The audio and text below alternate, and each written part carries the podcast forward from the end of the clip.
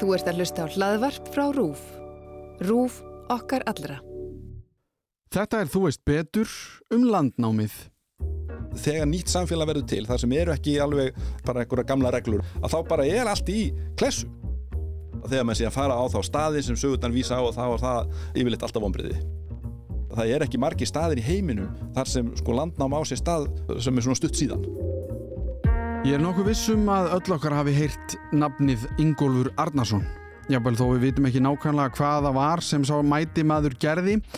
Hrafnaflóki er annað nafn sem við kynntumst í grunnskóla og höfum líklegast ekki pælt neitt sérstaklega mikið í síðan þá. En eru þetta þeir sem eru ábyrgir fyrir því að nokkur sunnum á hverjum vetri heyrum við eða lesum spurninguna hver einlega ákvað að setjast hérna að? Mér langaði til þess að komast að því hvernig landnámi Íslands var háttað í raun og veru, hvort þessir frændur okkar hafi verið fyrstir eða hvort að aðdragandin hafi verið lengri. Hann er það nefnilega oftast, þó sagan vilja oft egna ákveðnum aðilum allan heiðurinn. Hér er markmiðið þó ekki að svifta þessum mönnum sínum titli, þvert á móti, heldur að fá alla söguna, að minnstakosti megnið af henni, og pæla þess í hvernig lífið hafi verið hér á landi fyrir meirinn þúsund árum. Til að leiða mig í gegnum sannleikan um þessi mál fekk ég til mín Orra Viestinsson, fordlegafræðing, sem settist niður með mér og sagði mér frá sögun á baku nafnið, alla þessa fyrrnemdu náunga og af hverju óskuponum einhver ákvað að setjast hér að. En fyrst heyrum við kynningu frá viðmælandanum sjálfum. Ég heiti Orri Vestinsson, ég er professor í forleðafræði við Háskóla Íslands ég hef verið að rannsaka forleifar í meira en 30 ár og, og stór partur af því hefur sný, snýst um, um landnámið og, og vikingöldin á Íslandi og hvernig nýtt samfélag varð til hérna á nýjundu og tíundu öld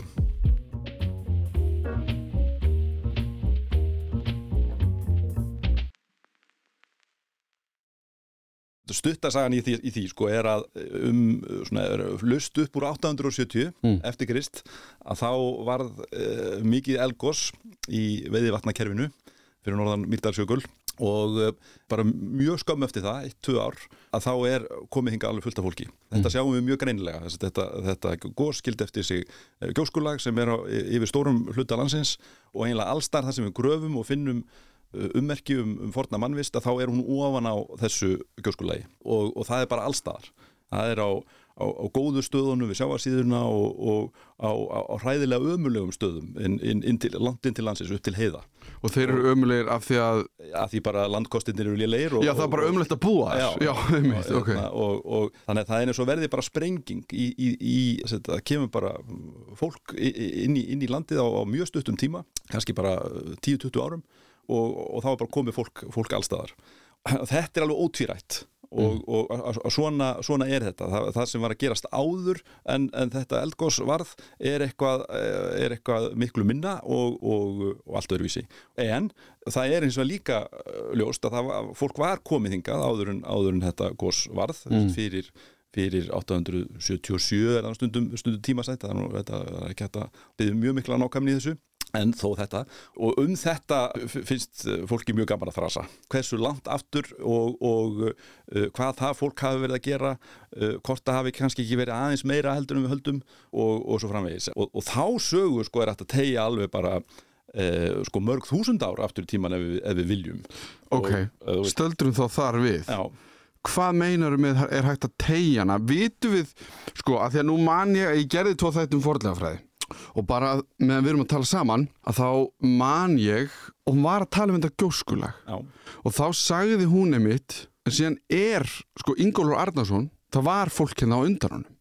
Já, já, og ég sagði býtu nú við. Alveg eins og ég er að segja núna býtu nú við. Já, hvað er það sem við teljum já, að hafi verið en vitum kannski ekki alveg upp á hár já. að hafi verið? Já, já. Það er bara að byrja sko bara á byrjunni sko, þegar, þegar bara jökullin hverfur af ofan af Norður-Európu fyrir bara 10.000 árum. Og, og þá mjög fljótlega eftir það er fólk komið til dæmis bara alveg lengst nýrst í Noregi og til dæmis á Suðuregjum í Skotlandi, þar er fólk komið sko á miðsteinöld sem sagt fyrir 7000 fyrir Krist og ef maður spáir í það fólki sem, sem búið að, eða fórfeður þess búið að flytjast þarna úr suðri gegnum allt Bretland og endar þarna á þessum eigum með norðustönd Skotlands. Nóttu byrni, Og- labba bara. Eða lappar bara. Það er það sem ég finnst eiginlega merkilegast í alltaf í þessari sögu að það er bara labba já, já, já, allar þessar lengdir. En, en kannski ekkit margi, ekkit sko hver og eitt fer kannski ekkit mjög langt. Nei, ég er að segja þetta bara kynslu eftir kynslu eftir kynslu og þetta tekur alveg sinn tíma. En, og þarna eru þau þá komin á endastöð á, þessum, á þessum eigum og, og, og við tekur bara hafið. En einhver, einhver tíman hlýtur hafa spáð í það að á, á hverju vori að þá fljúa gæðsirnar og alls konar fuglar til norðurs, norðvesturs uh, frá þessum eigum, koma tilbaka á haustin, einhver hefur fattað þetta sko, þess að þarna uh, spáð í þetta, hvert er þessu fuglar að fara? Og, og, og það eru um, alls konar önnur ummerki sem fólk getur tekið eftir sem, sem segja því að það hljóta vera einhver lönd uh, þarna út í hafinu þó þau sjáist ekki.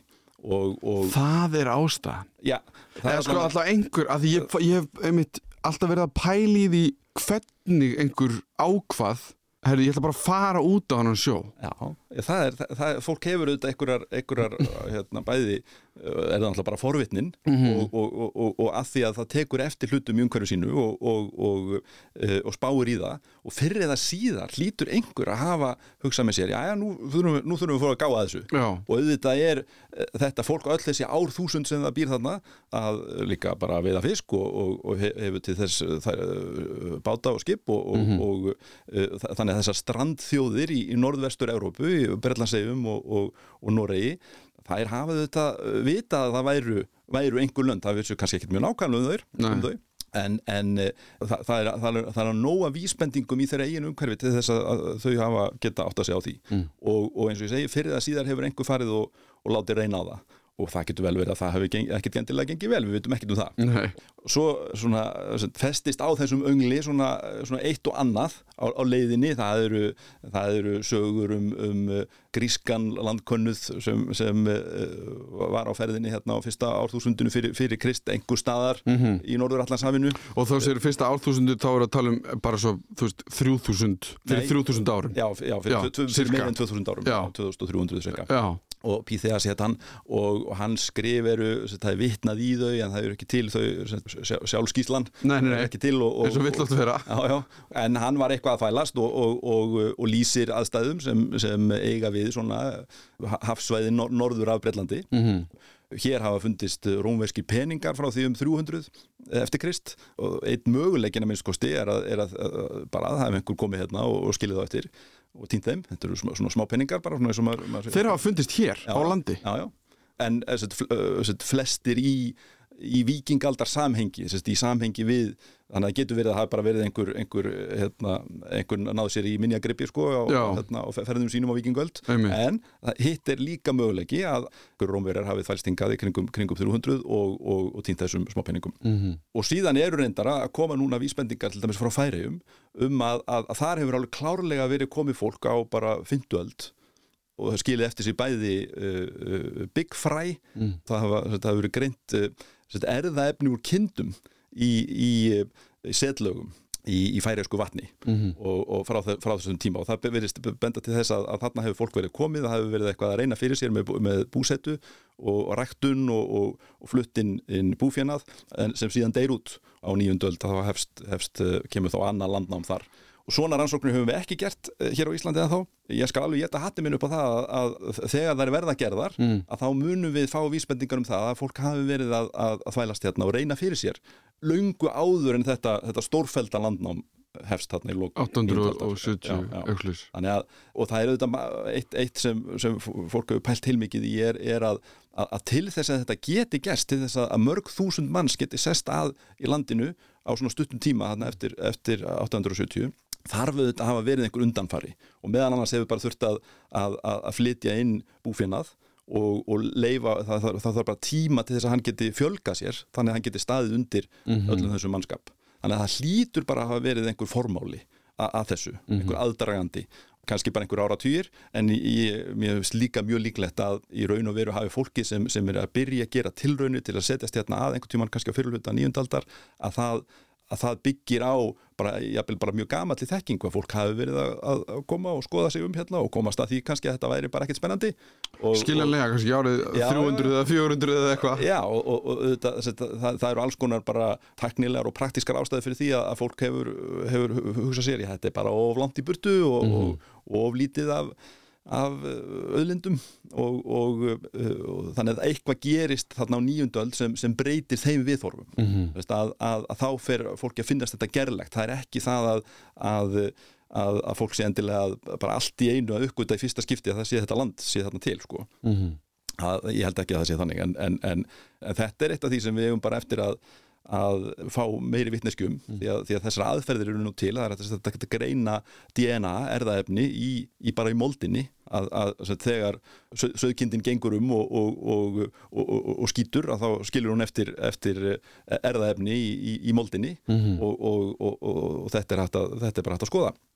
En, en getur þú sagt mér, bara því maður þá allt í núna Saga nafnsins Ísland að það sé komið sko að hér hafi verið einhverju munkar Já, Veistu hvað sögu ég er að vísa í? Já, já, já, það er reyndar ekki sama sagan sko, með, Nei, ok. með, hérna, með nafngiftina en, en, en já, sem sagt, sko, sagt, það, það er alveg bara góða vísbendingar um það að, að, að, að, að það eru tvær að því að verðist óháðar heimildir Mm. um það að, að hér hafi írskir menn, papar, munkar uh, komið og, og, og Ari Fróði sem skrifaði Íslandingabók fyrir hluta tí- uh, 12. aldar að hann, hann segir frá því að hér hafi verið írskir menn og þeir hafi skilið eftir sig bækur og bagla og bjöllur og, en síðan er, er, uh, var írskur munkur uh, sem starfaði við frönsku hyrðina eða frankversku á, á, á um 820 að hann segir frá því í, í svona landafræði riti sem hann skrifaði að, að hann hafi þekkt menn sem hafi í svona kringum 800 gert sér leiðangur uh, og silt til norður svo hann lýsi því sem er alveg öruglega færajar og síðan einhverju landi sem er ennþá lengra, lengra til norður sem, sem er nú bara mjög samfærandi að sé,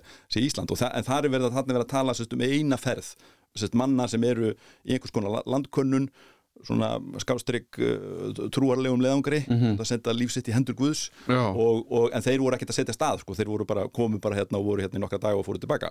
Og, og, og þetta er þá alveg í stíl við þetta sem ég var að tala við á þannig að, að, að auðvitað er fólk bara að, að, að kanna málið. Uh, um leið og maður hefur pata af því að heimurinn sé einhvern veginn þá vill maður auðvitað vita aðeins betur.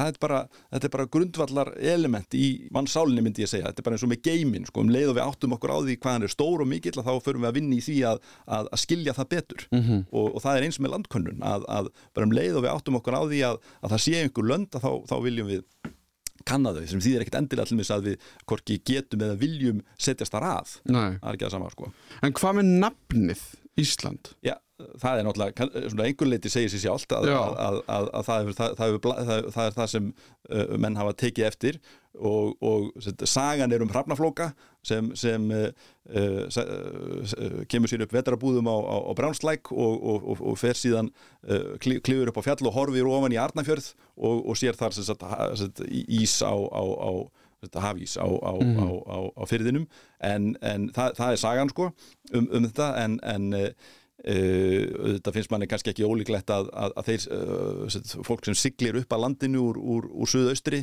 sér vatnajökul það er, svona, hérna, það er eitthvað sem menn, menn höfðu ekki séð heima hjá sér í, hérna, í, hérna, í Brellasegjum eða Skandinavíu. En við förum þá í, af því það sem þú ert að tala um núna er náttúrulega þegar við förum í DNA-greiningu eða, og allt þetta sem þú varst að segja væri búið að gera kannski eins og í færiðum og, slíkum stöðum að þá kannski vitum við meira, að þá kannski fáum við sannanir í raun fyrir bara, heyrðu, nei, þetta er þetta gamalt Já. en ef við förum í þessa aðal leikmenn í bara því sem við köllum okkar landnám Já, sko, þú nefnir, nefndir Hrafnaflóka Já. Ingólfur Arnarsson hefur náttúrulega verið nefndur og, ef ég væri að fara í próf í landnámi já, hver er mikilvægastur? Hver er, hver er aðalkarakterinn? Hvernig er sagan af bara þú veist, eins og við segjum hann í dag landnámi Íslands? Já, sko, ef þú færir í prófi í, í fólklegafræði þá myndur við ekkert vera spurður út í það kalla. Hérna, og, og, og þetta, þessar sögur sem við, sem við höfum úr, úr landnámabók aðalega eru þetta bara það, það eru sögur sem er, fólk er að segja þarna, kannski í lok 13. aldar Mhm. uh, 400 árum eftir að þessir atbyrðir eh, gerast og maður getur þá spáðið það hversu, hversu nákvæmlega fólk vissi, vissi um, um personur og leikandur í, í, í því öllu en það er, auðvitað- það er ákveðin svona struktúr í, í þessum sögum að fyrst var það nattóður sem, sem, sem kemur uh, rekst hingað óvart, síðan kemur garðar og, og, og siglir hringin í kringum landið Og, þessir náungar eru hverjir? Bara einhver, Þetta eru bara einhverjum svona random vikingar Já, já. Og, og hérna, sem, sem samkvæmt þessum sögum og, og við vitum ekkert mikið meir um þá og, og, og, og svo kemur Hrafnaflóki sem, sem, sem gerir tilraun sem, sem mistekst og svo koma Ingólfur Hjörleifur uh, aðeins betur út búnir, búnir að set, gera set, fyrst gera þeir eitt könnunarleðangur og svo koma þeir aftur og, og setja stað. Mm -hmm.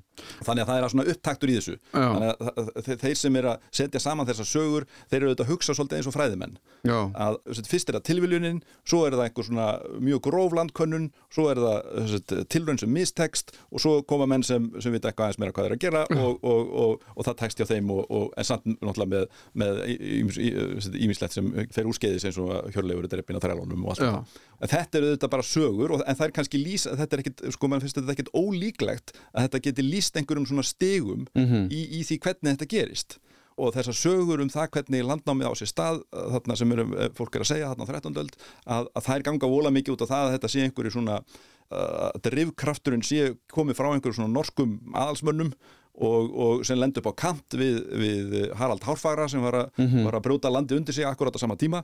Þeir þóla ekki þetta ofríki og, og, og, forða sér frekar til, til Íslands. Og, og þannig er auðvitað kannski sko getum við þá nú alveg leift okkur að gruna það að, að, að fólki sem er að segja þessar sögur nú kannski mest einhver svona íslensk yfirstjett sem vill gjarnan tengja sig við þá norsku. Og kannski er ekkert meiri í þessu en það sko. En, eh, en við vitum það náttúrulega ekki sko.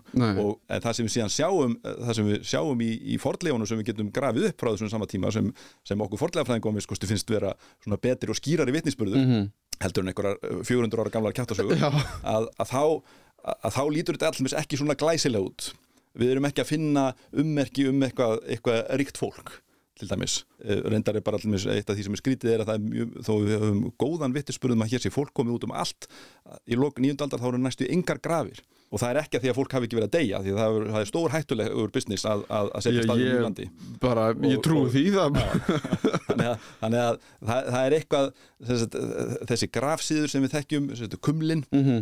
sem eru flest sko frá svona sitni hluta tíundaldar sem, við- sem við getum tímasett og eru sum alveg þokkalega ríkuleg að þau til er ekki þessari landnámskynnslóð og þau eru yngri þetta er enda bara lindadómur, það er ekki Já. við vita hvernig, hvernig menn, menn, fólk losaði sig við, við líkin. Mhm. og en það er allan ekki, ekki með þessum grafsið sem, sem, sem er mjög skýr. Já, Þa- þar sem er, er hérna, fólk er grafið þá með haug fjö, einhverjum mm góðum gripum sem eru settir með og jafnvel settur lítill haugur yfir og, og, en þe- þetta er menn ekki að gera sérst, þarna, í, í lok nýjundaldar og það er eiginlega e- engin merki um að hér sé neins konar yfirstjætt, fólk sem á eitthvað undir sér skilur eftir sig e eitthvað fínt dót og, og heldur er, eru þessar elstu minjar sem við getum tímasett eru, eru alla satt að segja mjög fátæklegar. Og, og það er þetta þegar maður horfir á bara land- landnám annar staðar og öðrum tímum sem er kannski uh, betur, betur uh, skrásett að, að, að, þá, þá uh, sér maður að það, það lítur að hafa verið þannig að, lífsbaráttan til að byrja með er, er bara mjög erfið. Það er kannski ekki endilega fólk sem á mikið undir sér sem, sem er, að, er að heia þá baráttu og, ofta, ofta af, af, af, af litlum efnum. Það er uh, auðvitað sko þarf þetta ekki að vera neinn þverst, þverstæða. Sögurnar eru sögðar af, af yfirstjettinni sem kannski sko, situr bara heim í Noregi og skipuleggjur mm. og fjármagnar æfintýrið og, og því að það kostar alveg að, að, að flytja uh, það, er ekki fátæklingar uh, sem sko synda hingað. Nei, nei, nei. Þau, þau koma á skipum og sem eru, eru, eru bara dýrtæki þú hefur það líka frekar þægilegt í Norri þá er kannski lítil ástæða fyrir því að hugsa heyrðu, ég ætla að reyna að setjast að á Íslandi Já, svo er það sko Hvað, En hvað, er, það sem, hvað er það sem dregur? Já, og, en, en sko að því að bara að þú nefndir hrafnafloka, mér langar aðeins þess að staldra við að því þú segir að hann gerir einhver tilraun sem virðist að misöfnast, hvaða tilraun, en bara tilraun til að Búa, búa, Já. já. Hann ætlaði sér að, að setjast hérna að og, En hvaða náungi er þetta? Vitum við eitthvað meira en það, annað en bara sögur? Í sjálfu sér Hrafnaflóki með hrafna sem er að finna landið og Já, já. er þetta allt, ok, ég er að fara að segja, er þetta satt, en þú veist, við erum að fara eftir bara einhverju sem stendur í einhverju bók sem er skrifuð sem er 400 árum cirka eftir að þessi hlutir eiga að hafa. Já, já. Þannig að við förum ekkert mikið eftir því sko. Þess- ég held að mig, maður, maður á ekkert að horfa þetta sem einhverja, þetta er ekki sko, Heilur rítning þetta er alls ekki heilur Nei. og ekki einu sinni sko, áræðanlega blaðafréttir sko. Nei, nei, nei. Að, að, þetta er ekki samtíma heimildir heldur er þetta bara sögur og, og þær eru náttúrulega bara það til þess að þetta eru svo ansi góðar sögur Mhm. -hmm. segir okkur það þetta, það er, það er, það er búið að uh, segja þær oft og, og forma þær og, og, og, og gera þær betri Mhm. -hmm. og, og þetta lý- lýsir það einhverju umhugsun og jafnvel þekkingu en, en ekkit endilega á þessum s- smáatriðum sem sagt, hver var maðurinn og, Nei, nei, nei. og hérna uh, En, en þessir, þessir náungar, síðan er það Ingólfur Ég meina, Ingólfur er svo sem við meina, Það er stitta á honum, sko. Það er ekki stitta á hrafna flóka held ég ekki Nýja hjörlefi. Nei, það mitt. Er það, það nokkuð? Ég held að ég sé að fara rétt með rétt mál þar. ég, ég man ekki eftir því. Nei, sko, hann er okkar náungi, Ingólfur. Já, já. Þú veist, þannig að ef fólk þekkir einhvern veginn þá þekkir það það. Hvað er svona merkilegt við hann? Já, það, Nú er ég að segja samkvæmt sögunum já, sko. samkvæmt sögunum, en þá er það, það sem merkilegt við hann er að þetta tókst hjá honum að, Og hvar að, kemur hann að landi? þá kemur hann upp að Ingóls höfða Já, og uh, uh, drita niður nöfnunum á liðinni sko. já og, Og Ingólfshöfði er er bara þarna, undan eila örafa sveitinni Já, og Suðurlandi bara, hann er að koma þaðan af Suðaustu ströndinni Já, ke- kemur eins, eins og fólk, fólk sem er að sigla frá Evrópu kemur allan mjög oft upp að landinu úr, úr Mhm. suðaustri og, uh, og svo siglir hann meðfram, meðfram suðuströndinni og, og endar sérst í Reykjavík Mhm.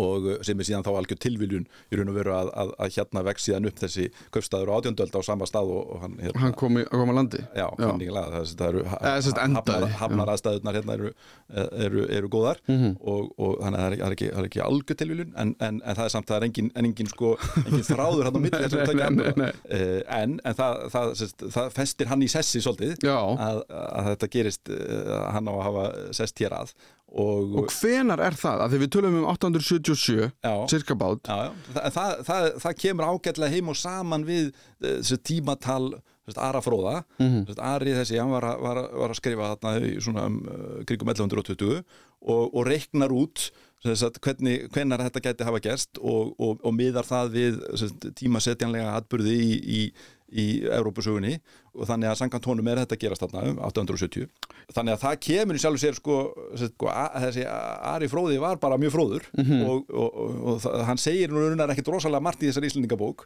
en, en það sem hann segir er allt saman virðist bara að vera þokkalega tröst svo er spurning hvað maður les, hvernig maður les í það sko. Já, Eh, þannig, að, þannig að, að þe- þessi tímasetning bara, kemur bara vel heim og saman við það sem við, við, við sjáum í, í, í, þegar við gröfum og nýjörðina að, að, að það er um þetta leiti sem, sem svona skipulegt og stórfælt landnám hefst.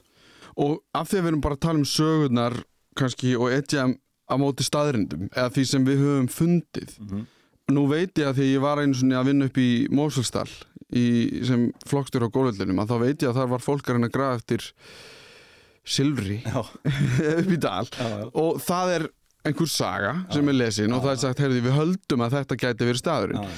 Höfum við gert eitthvað svipað með þessa sögu sem Ari er að skrifa? Þú veist, höfum við sagt, heyrðu, ok, þetta gæti verið hér eða, já, eða já, já, já, já. Sko, má segja þetta, að, að sko, rætur íslenskar forlegafræði liggja í nákvæmlega þessu á 19. öld Mm. þegar, þegar Íslandingasögurnar eru komnar á, á, upp á háan stall og, hérna, og einmitt sem heilugur reitning Mhm. að, að, að þá, þá fara menn á stað og, og vilja þetta aðtuga er þetta ekki allt saman satt og rétt getum við ekki bara fundið þessa staði og, og jafnvel, einmitt silfursjóði og eitthvað slíkt sem, sem talaður um í, í þessum sögum Mhm. og, og, og menn lögðu gríðarlega mikið á sig að, að bæða kortleika þetta allt saman og komast að því að já að, að uh, uh, sé, staðhátta lýsingar þessara sagna eru, eru raunsæjar. Mm þær gerast í raunheimi sem er alveg merkilegt, það er ekkit endilega alltaf þannig með allar bókmyndir sko. Nei, en uh, þó, þó menn hefðu nú geta mjög mikla trú á því að þið myndu bara finna leifarnar um alls konar hluti að, að þá kannski gekk það ekki eins vel. Og, og til dæmis gekk það alls ekki vel að, að finna uh, það sem, sem sögurnar segja frá til þess að einhverjir, einhverjir, einhverjir hetjur hafi verið grafnar að, þegar maður sé að fara á þá staði sem sögurnar vísa á og þá var það uh, yfirleitt alltaf vonbriði og, og það er alveg dæmi um, um, um eitthvað sem virðist, ganga upp og stundum hafa sest, höfundar sagnana greinilega þekkingu á sest, gömlum grafreitum. Já, já. láta uh, hérna, Þeir staðsetja þetta á réttum það en set, lang oftast set, ekki Nei. lang oftast er þetta set, er bara til- tilbúningur eða, eða set, ekki, menn fundi ekki neitt Nei. og, og þannig að það viðfangsefni að, að, að, að finna einhver svona alveg mjög tiltekin atriði sem talaður um í sögunum það er ávísun á, vombriði Já, hefur það einhvern tímann gerst?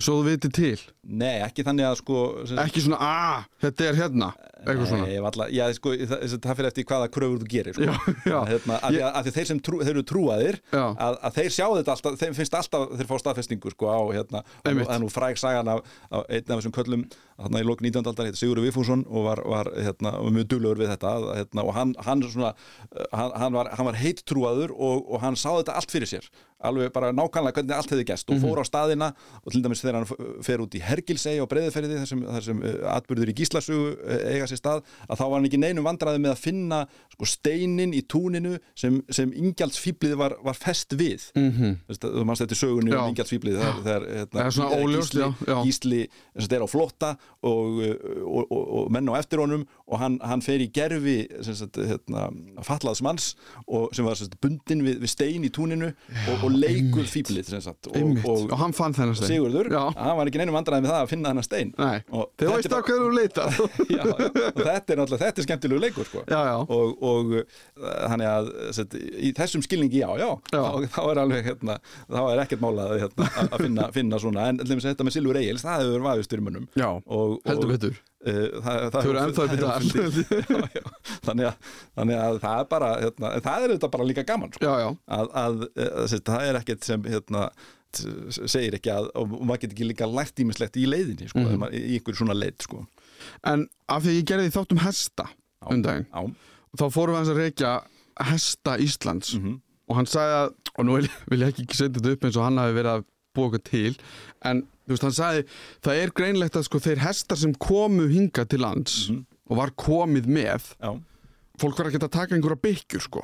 Þú veist, það var að taka hesta sem að þeim fannst vera góðir. Já, komið hinga, það er einhver ástæð fyrir því að íslenski hesturinn er eins góður og hann er. Já, og þú talar um kannski að lífið hérna hefði ekkert verið eins gott og kannski sögnatöluðum eða að, þetta væri ekkert aðalsfólk ef við förum aðeins í kannski aðeins betur í lífið sem var hérna á þessum tíma hvernig, er þetta, er þetta bara moldarkóar eða, eða veist, hvað getur þú sagt mér um bara venjulegt líf á Íslandi 877 til 1000 eða eitthvað já, já sko, reyndar held ég að þetta nú alveg verið svona spennandi tímar sko, það var margt að gerast og, og, og, og er kannski svona fyrstu 20-50 árin þetta byggir ekki á mörgum stöðum sem við getum tímasett svona nákvæmlega Mhm. en, en, en þá er eins og fólk búi já, í svona frekar uh, frekar léleg húsnæði uh, gætnan niðugrafin hús, kallu jarðhús Uh, en, og eru líklega sam, samt líka svona að prófa ýmislegt Mhm. og, og, uh, og það, það er ekkit alveg augljóst til dæmis að torfið verði,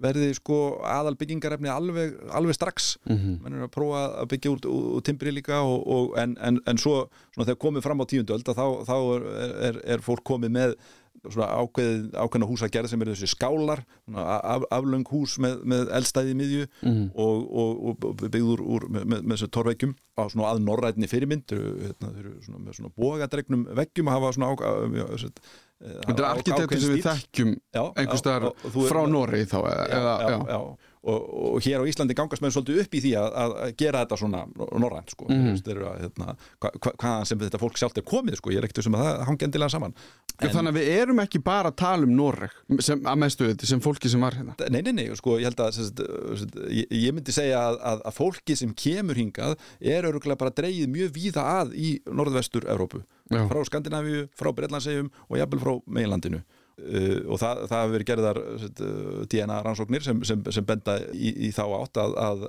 að uh, stór hluti til dæmis af, af kvennfólkinu sem komin frá, frá Breitlandsegjum mm -hmm. Breitland og Írlandi og ég hugsa að, að, að frekar rannsóknir á, á þessu muni, muni, muni staðfesta þetta en, en frekar sett, Mhm. að, að þetta er ekki þannig að þetta sé bara einhver einhvern eitt hérað í Noregi sem sendir, sendir Nei, nei, þetta er einhverja fylkingu sem er bara, nei, Það er, er, þetta er meira þannig að, að og sem er líka skiljanlegt ef maður fyrir að pæla í því sko, hvernig, hvernig fer maður að því að manna heilt land Mhm. að, að það er ekkert sko, það er ekkert mannskapur sko, til eh, á, á einhverjum litlum blettum sko, maður, þarf að, maður þarf að draga það að að bara mjög, mjög víða. Já, og ég held að að, að, að sé líklegast að, að fólki sjálft sé komið að, bara allstaðar að. Mhm. og, og þess þá merkilegra er það eiginlega að, að, þegar komið, komið fram að aðræða þriða kynnslóð að þá verður fólk mjög upptekið af því að, að svona sína að það sé norrænt Veist, Mhm. með, bæði, bæði með þessar húsagerð og með, með skartgripunum sem, sem, sem þau bera á vopnin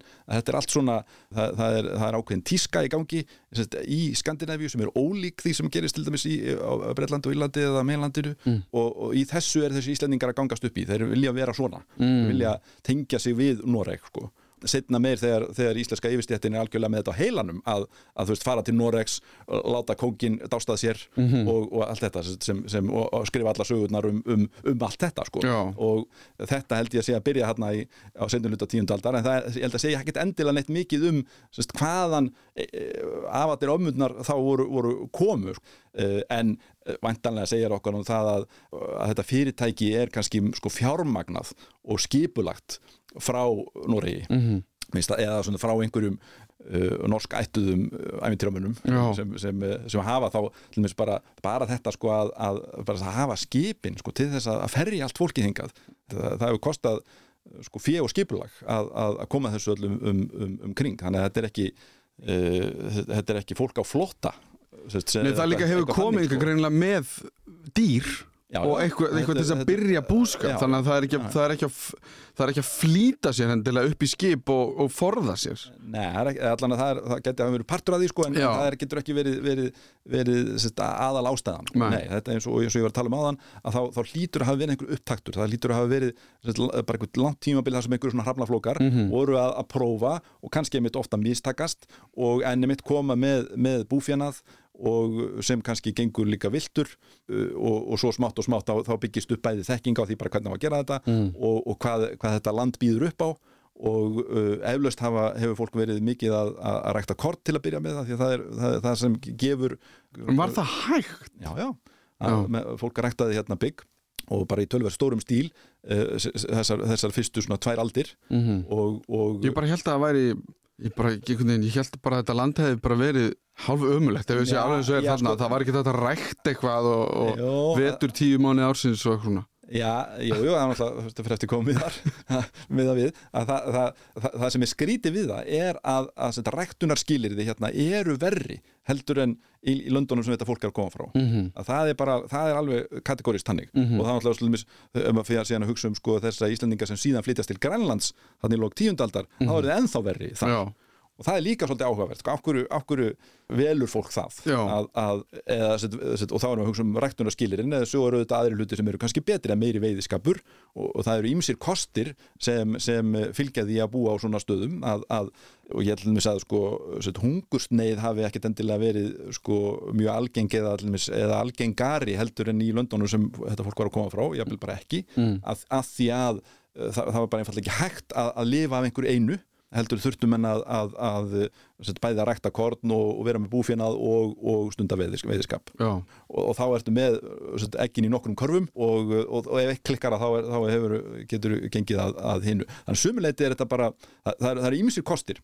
Sjáum það líka til dæmis á heilsufarinu á, á þessu fólki að, að bara það til dæmis að, að, að sko dreifbíli og aðgangur að uh, hreinu vatni er, Mm. er bara ávísun á betra heilsufar, sé að bæði eiga þá umgangspestir ekki eins, eins og auðvelt með að, að, að gangum og, og uh, kannski, skítu vassból í, í, í eh, heim í Európu eh, voru, voru aðal uppspretta sjúkdóma og, Já, já. þannig að, þannig að bara, bara svona atriði sko, alveg, þannig að það eru, jú, jú, það eru ýmsir kostir en eh, eða, eða hefði verið einhver svona einhver, einhver hagfræðingar hjá einhverju seðlabanka þessum tíma verið að leggja mat á, á því hversu skynsanlegt þetta væri út frá einhverju svona, svona hildar gróðasjónamiði þá hefði þið sagt nei. Já, ok. Það, það, Mér finnst það kannski, já það kannski, ég er að hugsa þetta ómikið frá nútíma hérna, fræðum, en var það líka því að það var einhvers konar hvað að segja, stjórnleysi? Eða þú veist, þú, þú gæst flutt, flutt til Íslands og búið hér og það var enginn sem sagði þér neitt hvað þú ættir að vera að gera eða hvernig þú ættir að haga þér eða eitthvað Já, það er nú eitt og þetta voru nú þeir líka þeir, sem voru að segja sögurnar hann á 13. öld þeir voru nú mjög, þeir voru mjög umhugað um þetta atriði hvernig, hvernig gat þetta eiginlega gerst sko, og, og, og, og auðvitað finnst manni líklegt til þess að allar þessar sögur sem er að segja um allt þetta ofbeldi sem gekk hérna á á tíundöld mm. allar íslendinga sögurnar Já, eru, látna að gerast á þeim tíma og, og það er náttúrulega alveg skefjalust Já, já. ofbeldi Einmitt. Og- það er bara og- mjög og- skrítið að fólk hafi bara verið eftir hérna bara, Já, Og, og, og þú veist, og það, einhver móðgast og þá eru bara margir drefnir veist, það er bara, það er bara það, þetta gengur allt út á það Já.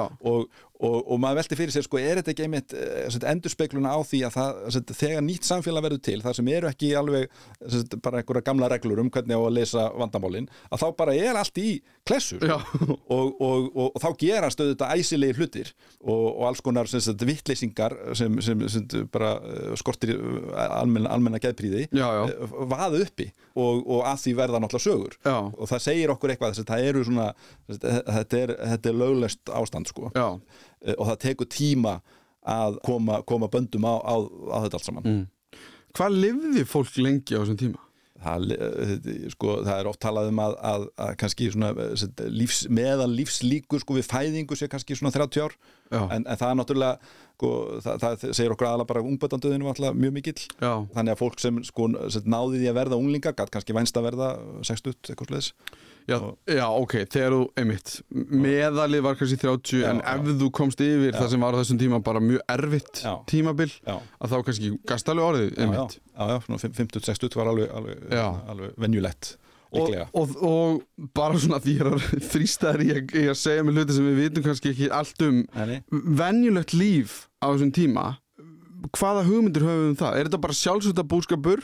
Það sem þú ert bara, já, þú, Já, já. það er þinn dagur þú, þú, bara, og allt árið um kring. Já, ég- það, það er, það, er, það er sjálfstöðsta búlskapur, fólk, lífsbaráttan hefur verið alveg sæmilega hörð svona eins og við bara þekkjum sko líka frá setni öldum að, að, að, að, það er mikið að gera á sumurinn og, og minna veituna og, og, og Hvað vitum við til um við- það? Já, við, sko ég náttúrulega, þegar við horfum á allir með þessar fordleifar eða lesum sögurnar, þá lesum við það gætnan í, í, í gegnum þessi glerugu sem við höfum sko, sem þekking okkar á sko 18. og 19. öld við vitum hvernig íslenska bændasamfélagið uh, virkaði og, og margt, margt af því sem við sjáum á, á, á þessum gamla tíma það, það lítur svona svipað út sko. Mhm. og, og það, það er landbúnaðurinn sem, sem, sem uh, tekur mesta orkuna hjá fólki þannig að það er bara túnrækt og, og, og kornirkja og, og svo að, að sjá um skepnundar og þess, þessi, á þessum el, elstu tíma þá er menn meira að leggja áherslu á, á nautgriparæktina heldur en, heldur en söðfjöð þannig að menn eru með, með, með fleiri kýr mm. og það er uh, meiri vinna, kallar á meiri heiskap þannig að, þannig að það verða breytingar í, í því, menn eru líka með svín og geitur sem við vorum með minna síðar síð- setna og, og þannig að það er svona sumuleiti meiri fjölbreytileiki. Mm. uh, en menn eru líka að, að, að leggja áherslu á, á veiðiskap og veiða fisk og sel og sjófugla og, og, og, og svo framvegis.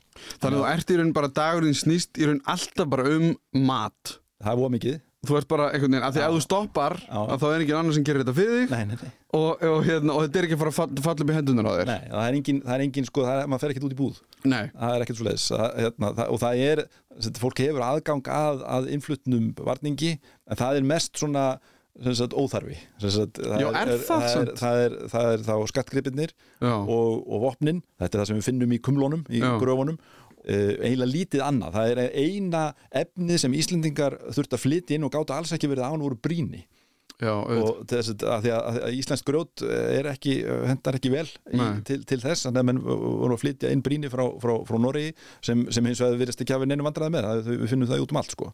þannig, að, þannig að það voru þetta vestluna tengsl og uh, væntanlega hafa það verið þessir höfðingjar sem, sem, sem, sem höfðu þau tengsl sem gáttu verið að fara á milli Mhm. og, og, uh, en það er ekki sagt, menn er ekki að framleiða neitt til þess að, að selja á markaði Nei, nei, nei það er, Erum það, við með peninga yfir höfuð? Nei, Nei. Þe- Já, jú, já það, það, Við finnum reyndar sko sagt, eh, myndir Mm. og, og, og, og það eru, hafa fundist silfursjóðir en, en ég held ekki að fólk hafi verið að nota eh, Almenningur var kannski ekki að ekki almenningur nei og ekki í svona sko, kannski að dælum viðskiptum. Og, og uh, menn er að nota silfrið aðalega bara allir misti þess að hérna, ef við tökum nú mark á sögunum að þá erum fyrst og fremst að nota silfrið til þess að borga vikspætur ef þú drefur einhvern að þá, þá þarftu bara að eiga silfursjóð til þess að geta borgað fyrir Já, já, búin að leist mandamálið það uh, Hvar á landinu er þetta? Eru við bara út um all, er, bara, er það bara strandlengjan? Ja, já, og, og bara, bara nokkurt megin á, á, á sama svæði og bara byggði þeir í, í dag eða hefur verið til þessa, þessa tíma upp, upp á, og jafnvel aðeins lengra inn á Hálendið mm. uh, og það er endar flesta af þessum, þessum stöðum sem við höfum verið að grafa upp frá, frá 9. og 10. öld eru, eru bæjastæði sem eru yfirgefin sko mjög fljótlega og, og sum þeirra eru svona í Hálendis í aðrinum og, og fólk er að prófa Sest, hvort að það sé skynsanlegt að búa hérna, 200-300 metrum yfir sjó og, og 100 kilometrin í landið og, og, og kemst yfirleitt hlutlega því að það sé kannski ekki mm -hmm. en, það, en það er líka meira svona flögt á, á bara bæjastæðunum líka niður í, niður í, niður í byggðinni og þannig að og ég held að það, það endur spekli bara þetta að, að, að það tekur bara tíma að byggja upp þekking á því hvað er best að vera og líka kannski eitthvað er, er sem sagt sko, bara landamerki og svona hlutir eru þá að þetta tekur tíma að, að vinsa úr öllum þeim vandamálum sko, einhver kemur og segir já þennan fjörð. Já, já. Og, og svo kemur einhver annar og segir nei já hann. Og, og, og þannig að hérna, hvernig ætlar að leysa það, að leysa það það er gott að hafa silfisjóð það er gott að, já já og gott að ég mitt kannski geta bara svona fært sig um set hérna, það geta bæði verið, verið það getur bæði snúist um sé, pólitískar ástæður eða samfélagslegar og síðan bara praktískar sko, að, að staðunum það sem maður valdi uh, bænum uh, það sem að setja niður bæjarhúsin kemur ljós á nokkur árum eða er ekki hendugur við höfum sum, sumið þessum bæjarstæðum eru sko yfirleitt eru íslenski bæjar sko eru svona frekar upp á, upp á hæðum eða svona á, á uh, þar sem, og manni finnst það oft svona kannski nöttulegt en, en það eru er marga góðar ástæði fyrir þessu en, en elstu bæjarstæðin eru gætnan í brekkulögg undir brekkunni mm. og, og sem er, og maður hugsa átt sko, er, þetta er fólk sem er ekki vandi að, að búa í, ég hugsa þetta er hlut að vera danir bara vonir, hann er að búa flatlendi og halda sér sniðugt að vera í, í, í, í skjóli já, já. undir brekkunni en það, það býr til vandamál með vatn og snjó sko. og, og það er betra að vera út á Ég hugsaði líka bara um Hafnafjall líka. Kemur ekki vindurinn þar niður? Eða þú veist út á Íslandi? Jú, kannski vissuðu bara ekki hvernig þetta virkar. það, og það er, og jafnvel þó að þú kom ekki frá Danmarku, kom frá einhverjum einhverjum, einhverjum mishæðóttari stöðum að þá, að þá, þá bara það tekur tíma að, að finna út úr öllum þessum hlutum. Já og, og, og það, það er þetta það sem gerir þennan þetta tímabill líka svo spennandi sko, að, að reyna að skilja hvað, hvað er fólk ekki að fatta og, og hvernig finnir það út úr því. Og við, við erum mjög heppin með það við, það er bara mjög mikið af margir staðir sem er hægt að, að rannsaka margir staðir sem hafa verið rannsakaðir. Þannig að við höfum nógan efni við til þess að skilja þetta betur.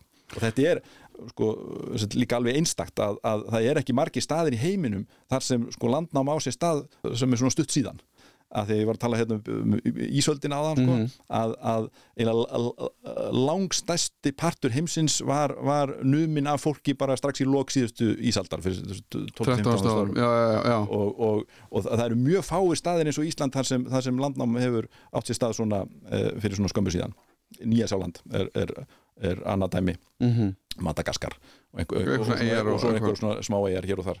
En, en, en Þannig að tækifærin eru mjög mikil hér til þess að Já, Já. Til, þess að, til þess að bara að skilja hvernig þetta gerist sko, að því að, að, að langa oftast, það er bara mjög sjálfgæft að nýtt samfélag verði til á nýjum stað uh, meira að segja sko ef við hugsaum um svo Ameríku sko þá, þá eru þetta þegar Európumenn fara að flytjast ánga þá eru þeir fyrst í stað bara meira og minna upp á indjánana komnir sko um, mm. hérna, þannig að það voru engin indjánar hér til þess að hérna, til þess að bjarga uh, redda fólki sko þegar, þegar komið sér í vandræði Hver er okkar merkasti fundur? Eða, veist, hvar höfum við fundið mest?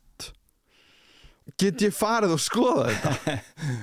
Já, já, sko, góðu staður þess að byrja á ennú bara hérna niður aðstæði í, hérna, það er, það er síning sem heitir hérna, Reykjavík 871 plus minus 2 hmm. og, og, og þar er skáli frá já, tíundöld uh, sem er til sínis og, og, og lítil síning í, í, í kringum, kringum hann og uh, það, það er svona það sem er auðveldast hérna á mullinni Já. það er bara gamla bæjastæði sko og það hefur verið grafið reyndar á mörgum stöðum en, en þarna var fyrir, fyrir uh, tæpum 20 árum grafin upp sagt, bara alveg heil, heil skáli og, og það er síning í kallara hérna undir, undir hótelinu á, á aðalstræti 16 Já, einmitt það er mjög góður staður að byrja á já. og svona bara þjóðminnarsafnið hérna.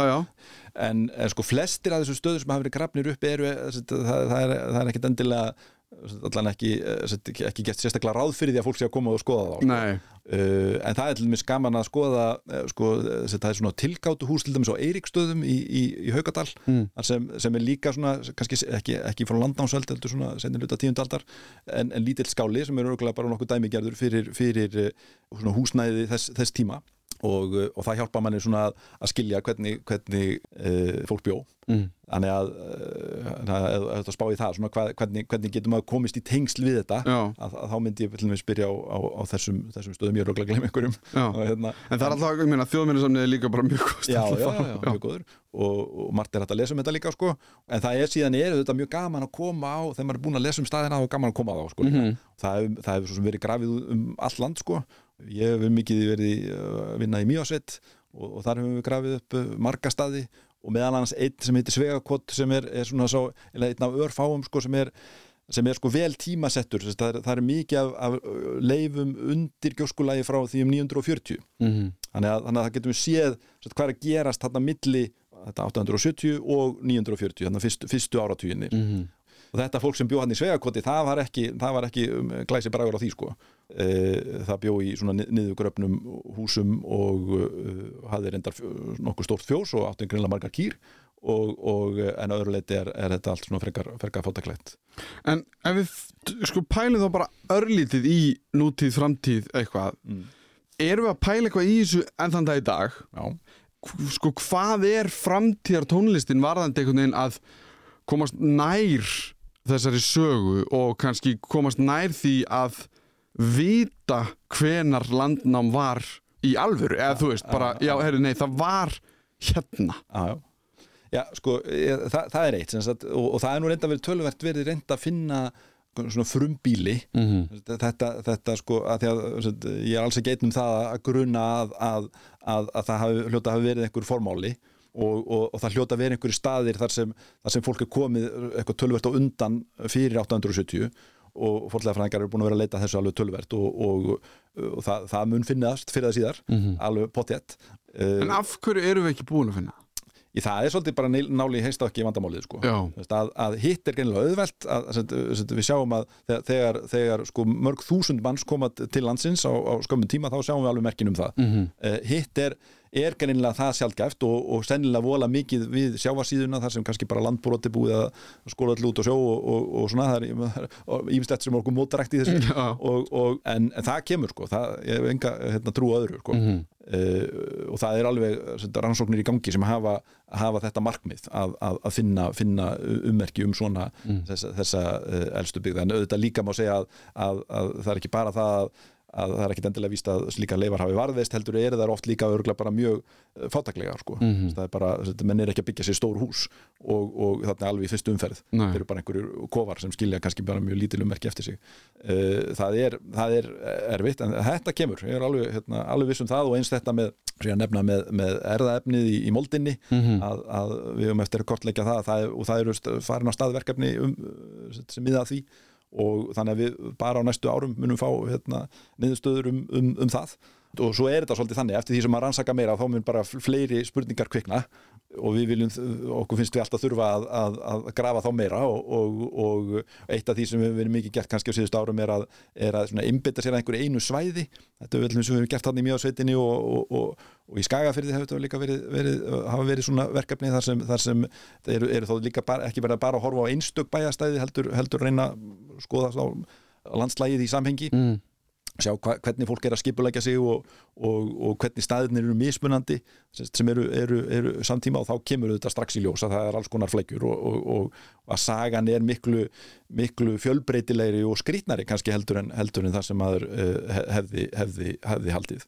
Uh, og eitt af því sem við verðum að koma í ljós þarna í, í Hæranesinu í Skagafyrði eru, eru mitt svona, svona mjög litlir og ræfilslegir staðir Mm. sem eru, eru mjög gamlir þar sem fólk er mikið að, að lifa viðskap en líka samt að, með þennan hefbunda landbúnað en, en mjög litlar uh, byggingar þannig að, þannig að það, það er, þetta minnst passar ekkert við það sem maður lesi í þessum, þessum, þessum, þessum sögum og, uh, og við hefum ennþá tölvört í land með að, með að skilja það eða, eða, eða setja fram ólíkar kenningar sem það er að rífast um.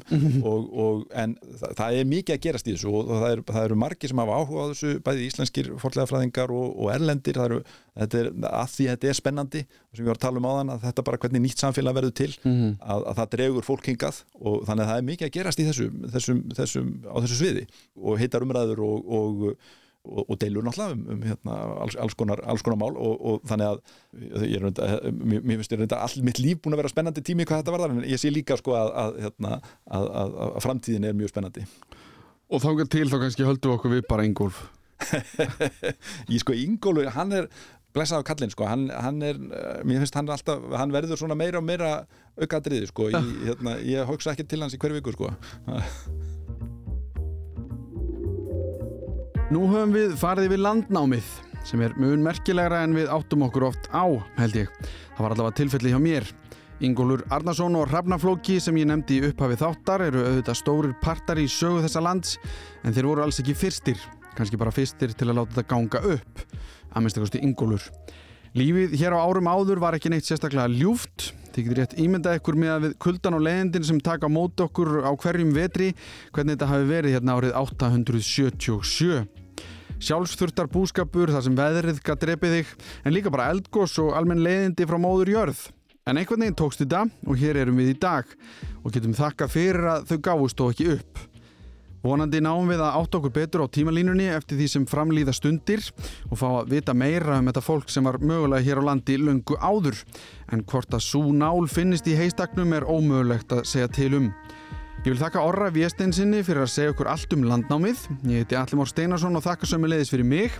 Minni á pósti minn allimarat.ruf.is ef það er einhverja spurningar eða ábyrtingar. Þetta var Þú veist betur um landnámið. Heyrumst í næsta þætti.